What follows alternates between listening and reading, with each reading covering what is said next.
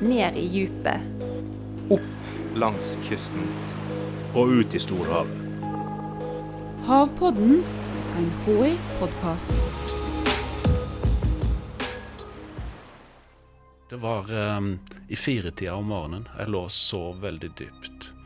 Så ringer en av uh, teknikerne uh, til meg på lugaren og vekker meg opp og sier Pål, du måste komme. Vi har hittat något, uh, något spennende. Vi tror det er en ubåt.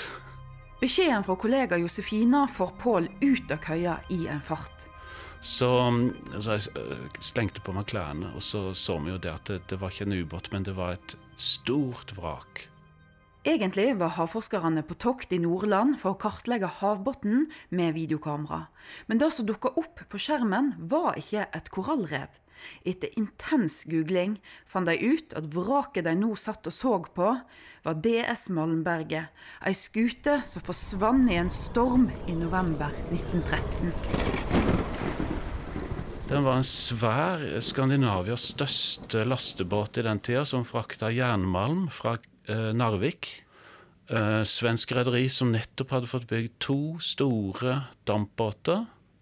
Ganske ny eh, type virksomhet, det der, med så store fraktebåter. Begge gikk ned. Eh, den her gikk ned på jomfruturen sin. Um, det var svensk rederi og svensk offiserbesetning og hovedsakelig lokal matrosbesetning fra Narvik-området. da. Totalt var det uh, 43 mennesker som omkom. Siste um, sikre posisjonen var et uh, stykke midt i Vestfjorden, men så var, det, var de borte. Det har vært et mysterium inntil vi fant det da. På bunnen så lå båten i den andre retninga med baugen mer mot nordvest. Men roret var innstilt hardt mot bab babord, altså inn mot land. Og hvorfor gjør han det når han var på vei sørover? Antageligvis har han sett at det her, går, det her kan gå ille.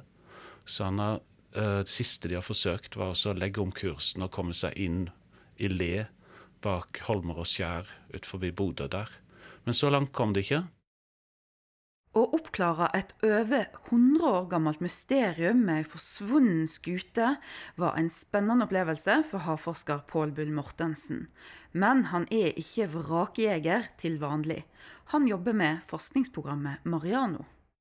Ja, Mariano skal skaffe kunnskap om eh, havbunnen Mariano er et samarbeid mellom Havforskningen, NGU og Kartverket. Forskerne reiser på tokt, de filmer havbunnen, de tar prøver av sjøvannet, grums, grams, fisk, smådyr. De kartlegger rett og slett norske havområder og det livet som finnes der. Hvis du ser på et sjøkart og sammenligner det med de beste kartene over landjorda vår, så ser du med en gang at det, det stort sett ikke er noen detaljer i la oss kalle det topografien. Så det ser ganske jevnt og flatt ut på de gamle sjøkartene. Så derfor så er det det som ligger i bunnen av eh, Mariano, eh, marin arealdatabase for norske havområder, Mariano-programmet, det som ligger i bunnen der, er dybdekartlegging, eller topografikartlegging. Og Allerede med kun den informasjonen så kan vi dele inn havbunnen i landskapstyper. Marine raviner, øh, ja, kontinentalsokkelskråninger, kanten, rygger. Um, um, trau og renner og det, det, er mange landskapstyper ute i havet.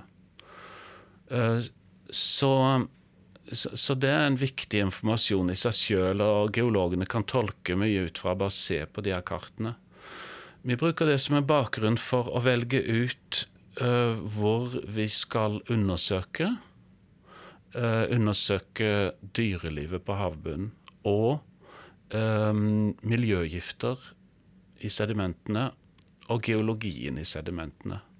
Som hva slags sediment er altså da bunnslam og stein og alt det kaller vi for sedimenter, da. Så um, sedimenter og miljøgifter og dyr først og fremst Mariano, konsentrerer seg på de uh, såkalte offshore-områdene. da. Eh, er det sånn når dere er ute og ser på Dere sitter på tokt, og så ser dere på videoene av havbunnen under dere, at dere er de første som ser akkurat det området? Ja. Altså, jeg tror ikke det har vært noen som har vært og sett på de stedene vi har vært på før. Bortsett fra de gangene vi gjenbesøker steder vi har vært på sjøl, da.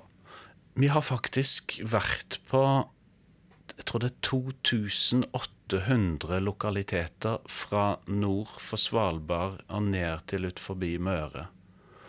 Um, det er ganske mange steder. Og når en leter, så finner en mye rart, som f.eks. koraller. Bare i 2021 oppdaga Pål og Mariano 44 nye korallrev utenfor Midt-Norge. Det betyr at man kan verne områder hvor eh, en har eh, korallrev som en eh, vurderer som verdifulle. De er spredt utover, og de har høye konsentrasjoner av andre arter som lever der. Vanvittig masse andre arter. Rikt dyreliv. Ja. ja. Så sier du at uh, hvis vi vet om hvor de er, så kan en verne området rundt. En kan ta vare på det. Mm. Men, men, hvorfor skal vi ta vare på korall? Det holder vel ikke bare at de er fine? Det her er naturtyper som har stått på samme sted i uh, opp mot 9500 år. Bare det i seg sjøl er jo ganske interessant. Det inneholder potensielt informasjon om fortidens miljø og klima um, inni skjelettene. Um, de har et stort biomangfold med potensielt interessante gener. Eh, en gullgruve for de som eh, leter etter nye marine, naturlige produkter. Um, um, og som sagt, de, de, har en betydning for uh, mengden fisk, lokalt i hvert fall. Og så skal du huske på at de, de korallskjelettene de består av kalk, altså kalsiumkarbonat, i aragonittformen, samme som du har i tennene dine det er konsentrert uh, karbondioksid uh, som ligger der mer eller mindre permanent. Så det er på en måte um, De har dratt ut karbonet av systemet og lagra det. Så, så, du kan si det at hvis du ødelegger et sånt korallrev, så stopper du den prosessen, i hvert fall. Så det har en betydning der. Og, og produksjonen av mat, som sagt, for andre organismer som kanskje leder opp til fisk, biomangfoldet Norge har jo skrevet under konvensjonen om å ta vare på biomangfoldet.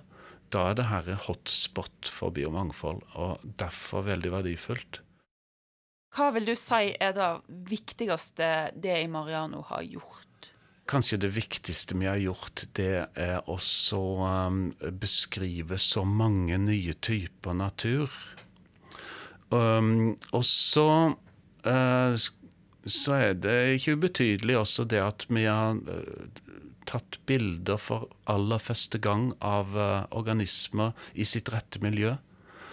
F.eks. en sånn derre bunnlevende dyphavsmanet som heter Lucenaria batifilia. Hadde ikke vært observert siden den ble beskrevet på 1800-tallet så, så, så, fikk vi se den her og fikk fine bilder av den. Sendte til en ekspert i Amerika som skrev tilbake uh, hvilken det var, og med den opplysningen at den her har ikke vært observert siden Heckel beskrev den. Det er jo ganske fascinerende, altså. Og, og, og så får vi se organismer som, um, som ikke er mulig å få opp hele. Uh, opp, i, opp, på dekk.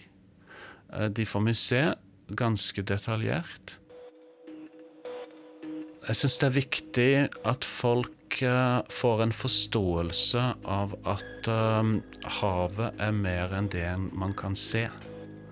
At, uh, at, det er faktisk utrolig viktige prosesser som foregår der. Og at det er et kjemperikt dyreliv som er både vakkert og spennende og viktig. Havpodden er en podkast fra Havforskningsinstituttet. Jeg heter Stine Hommedal og jobber her. Teknisk produksjon og lyddesign var det Febril Film som sto for. Og du, du hører snart igjen.